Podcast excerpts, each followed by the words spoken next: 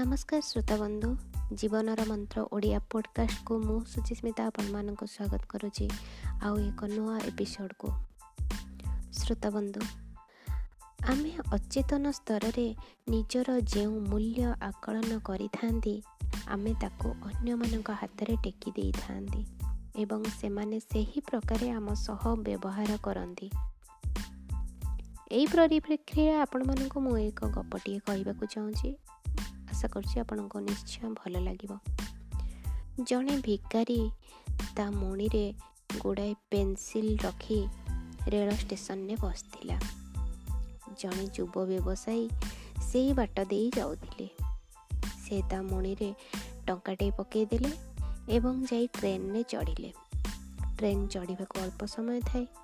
ହଠାତ୍ ତାଙ୍କ ମନ କ'ଣ ହେଲା କେଜାଣି ସେ ପୁଣି ଭିକାରୀଟି ପାଖକୁ ଫେରି ଆସିଲେ ତା ଥଳିରୁ ବିଡ଼ାଏ ପେନ୍ସିଲ୍ ଧରିଲେ ଏବଂ କହିଲେ ଦାମ ତ ଠିକ୍ ଅଛି। ତାହେଲେ ବି ତମେ ମୋ ପରି ଜଣେ ବ୍ୟବସାୟୀ ଏତକ କହି ସେ ଫେରେଇ ଦେଲେ। ଏହି ଘଟଣାର ଛଅ ମାସ ପରେ ସେ ବ୍ୟବସାୟୀ ଜଣଙ୍କ ଗୋଟିଏ ପାର୍ଟିକୁ ଯାଇଥିଲେ। ସେ ଭିକାରୀ ମଧ୍ୟ ଭଲ ବେଶଭୂଷା ହୋଇ ସୁଟ୍ ଆଉ ଟାଏ ପିନ୍ଧି ସେଇଠି ଥିଲା। ଭିକାରୀଟି ସେ ବ୍ୟବସାୟୀଙ୍କୁ ଚିହ୍ନି ପାରିଲା। ତାଙ୍କ ପାଖକୁ ଗଲା। ଆଉ କହିଲା ଆପଣ ବୋଧହୁଏ ମୋତେ ଚିହ୍ନି ପାରୁନାହାନ୍ତି କିନ୍ତୁ ମୁଁ ଆପଣଙ୍କୁ ଠିକ୍ ମନେ ରଖିଛି ତାପରେ ସେ ଛଅ ମାସ ତଳର ସେ ଘଟଣାଟିକୁ କହିଲା। ବ୍ୟବସାୟୀ ଜଣକ କହିଲେ ହଁ ହଁ ଠିକ୍ ମନେ ପକେଇଲ। ତୁମେ ସେଦିନ ଷ୍ଟେସନରେ ଭିକ ମାଗୁଥିଲ ତେବେ ଆଜି ଏମିତି ବେଶରେ ଯେ ଭିକାରୀ ଜଣକ ଉତ୍ତର ଦେଲା ଆପଣ ଜାଣନ୍ତିନି ସେଦିନ ମୋର କି ଉପକାର ଆପଣ କରିଥିଲେ। ଆପଣ ହିଁ ମୋ ଜୀବନର ପ୍ରଥମ ଲୋକ ଯିଏକି ମୋତେ ସେଦିନ ମୋର ନିଜ ଆତ୍ମମର୍ଯ୍ୟାଦା ଫେରାଇ ଦେଇଥିଲେ। ଆପଣଙ୍କର ହୁଏତ ମନେ ନଥିବ ଆପଣ ସେଦିନ ପେନ୍ସିଲ୍ ଗୁଡ଼ାକ ହାତରେ ଧରି କହିଥିଲେ ଦାମ ଠିକ୍ ଅଛି ମୁଁ ବି ତମ ପରି ଜଣେ ବ୍ୟବସାୟୀ। ଆପଣ ଗଲା ପରେ ମୁଁ ନିଜକୁ ପଚାରିଲି ଆରେ ମୁଁ ଏଠି କ'ଣ କରୁଛି ମୁଁ ଭିକ କାହିଁ ମାଗୁଛି ସେଇଠୁ ମୁଁ ଜୀବନରେ କିଛି ଗଠନମୂଳକ କାମ କରିବାକୁ ନିଷ୍ପତ୍ତି ନେଲି। ତାପରେ ବ୍ୟାଗ୍ ଧରି କାମରେ ଲାଗିଗଲି। ଆଜି ମୁଁ ଏଇଠି ପହଞ୍ଚିଛି ସେହି ଘଟଣାଟି ମୋ ଜୀବନର ମୋଡ଼ ବଦଳାଇ ଦେଲା। ମୁଁ କେଉଁ ଭାଷାରେ ଆପଣଙ୍କୁ ଧନ୍ୟବାଦ ଦେବି ଜାଣିପାରୁନି। ଆଚ୍ଛା ଶ୍ରୋତବନ୍ଧୁ ଆପଣ କହିଲେ ସେ ଭିକାରୀଟି ଜୀବନରେ କି ପରିବର୍ତ୍ତନ ହେଲା? ତାର ଆତ୍ମମର୍ଯ୍ୟାଦା ବଢ଼ିବା ସଙ୍ଗେ ସଙ୍ଗେ କାମ କରିବାର ଢଙ୍ଗ ବି ବଦଳିଗଲା। ଆମ ଜୀବନରେ ଆତ୍ମମର୍ଯ୍ୟାଦା ବା ସ୍ୱାଭିମାନ ଏମିତି କୁହୁକ ଭଳି କାମ କରେ। ଆଉ ଟିକେ ସରଳ ଭାବେ କହିଲେ ଆମେ ନିଜ ସମ୍ପର୍କରେ କ'ଣ ଭାବୁ ତାହା ହିଁ ସ୍ୱାଭିମାନ। ଆମ ନିଜ ଜୀବନରେ ଆମର ଧାରଣା ଆମର ସବୁ ଜିନିଷ ଉପରେ ଭାରି ପ୍ରଭାବ ପକାଇଥାଏ। ଆମର କାର୍ଯ୍ୟଦକ୍ଷତା ସମ୍ପର୍କ ଏବଂ ଜଣେ ମୁରବୀ ହିସାବରେ ଜୀବନରେ ଆମର ସଫଳତା ଏସବୁ ଉପରେ ତାର ଛାପ ପଡ଼େ। ସ୍ୱାଭିମାନ ଆମର ସଫଳତା କିମ୍ବା ବିଫଳତା ନିର୍ଣ୍ଣୟ କରିବାରେ ଗୋଟିଏ ବଡ଼ ଉପାଦାନ। ଉତ୍କୃଷ୍ଟ ସ୍ୱାଭିମାନ ଥିଲେ ଜୀବନଟା ସୁଖମୟ ଏବଂ ଉଦ୍ଦେଶ୍ୟପୂର୍ଣ୍ଣ ହୁଏ।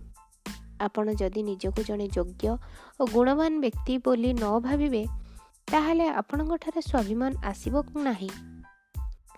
ପୃଥିବୀର ସବୁ ଯାକ ବଡ଼ ବଡ଼ ଲୋକ କହିଛନ୍ତି ଯେ ଜଣେ ସଫଳତା ପାଇବା ପାଇଁ ନିହାତି ପକ୍ଷେ ନିଜ ଭିତରେ ପ୍ରଚୁର ଭାବେ ଅନୁପ୍ରେରିତ ହେବା ଦରକାର।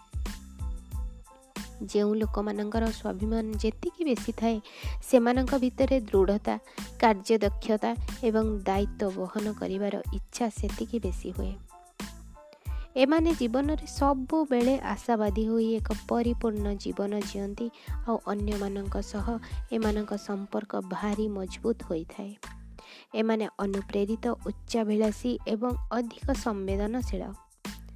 ଏମାନଙ୍କର କାର୍ଯ୍ୟଦକ୍ଷତା ଆଉ ସମ୍ଭାବ୍ୟ ବିପଦକୁ ମୁଣ୍ଡାଇବାର କ୍ଷମତା ବଢ଼ିଯାଏ। ଏମାନେ ନୂଆ ନୂଆ ସୁଯୋଗ ଓ ଆହ୍ୱାନ ଗୁଡ଼ିକ ପ୍ରତି ସବୁବେଳେ ଉଦାର ଆଉ ଉନ୍ମୁକ୍ତ ହୋଇ ରହିଥାନ୍ତି। ଅନ୍ୟମାନଙ୍କୁ ଅନ୍ୟାୟସରେ ପ୍ରଶଂସା ଓ ସମାଲୋଚନା କରିବାରେ ଏମାନେ ଯେମିତି ଚତୁର ଆଉ ନିପୁଣ ନିଜ ବେଳକୁ ଅନ୍ୟମାନଙ୍କ ଠାରୁ ନିଜେ ଏଗୁଡ଼ିକୁ ଗ୍ରହଣ କଲାବେଳେ ବି ଠିକ୍ ସେମିତି ହୋଇଥାନ୍ତି। ଜୀବନର ଭଲ କଥା ଗୁଡ଼ିକୁ ଜାଣି କାର୍ଯ୍ୟରେ ପରିଣତ କରିବାରେ ଯେଉଁ ଅନୁଭବ ଆସେ ତାହା ହିଁ ଆମର ସ୍ୱାଭିମାନ। ତେଣୁ ଶ୍ରୋତାବନ୍ଧୁ ମୁଁ ଏଇଠି କହିବାକୁ ଆପଣମାନଙ୍କୁ ଚାହୁଁଛି ଯେ ଆପଣ ସବୁବେଳେ ନିଜର ଆତ୍ମ ମର୍ଯ୍ୟାଦା ଆତ୍ମସମ୍ମାନ ଆଉ ନିଜ ଭିତରକୁ ସବୁବେଳେ ପଢ଼ିବାକୁ ଚେଷ୍ଟା କରନ୍ତୁ। ଆପଣ ଯଦି ନିଜ ଭିତରକୁ ନିଜେ ପଢ଼ିପାରିବେ ଏବଂ କେଉଁଟା ଠିକ୍ କରୁଛନ୍ତି କେଉଁଟା ଭୁଲ କରୁଛନ୍ତି ବୋଲି ଆମେ ଆପଣ ନିଜେ ଜାଣିପାରିବେ ତେବେ ଆପଣଙ୍କୁ କୌଣସି ଜିନିଷ ବୁଝିବାରେ ଅସୁବିଧା ହେବ ନାହିଁ।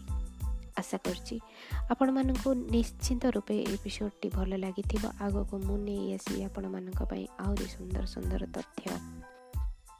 ଏତିକିରେ ଆଜିର ଏପିସୋଡ଼କୁ ମୁଁ ସାଙ୍ଗ କରୁଛି। नमस्कार जय हिंद।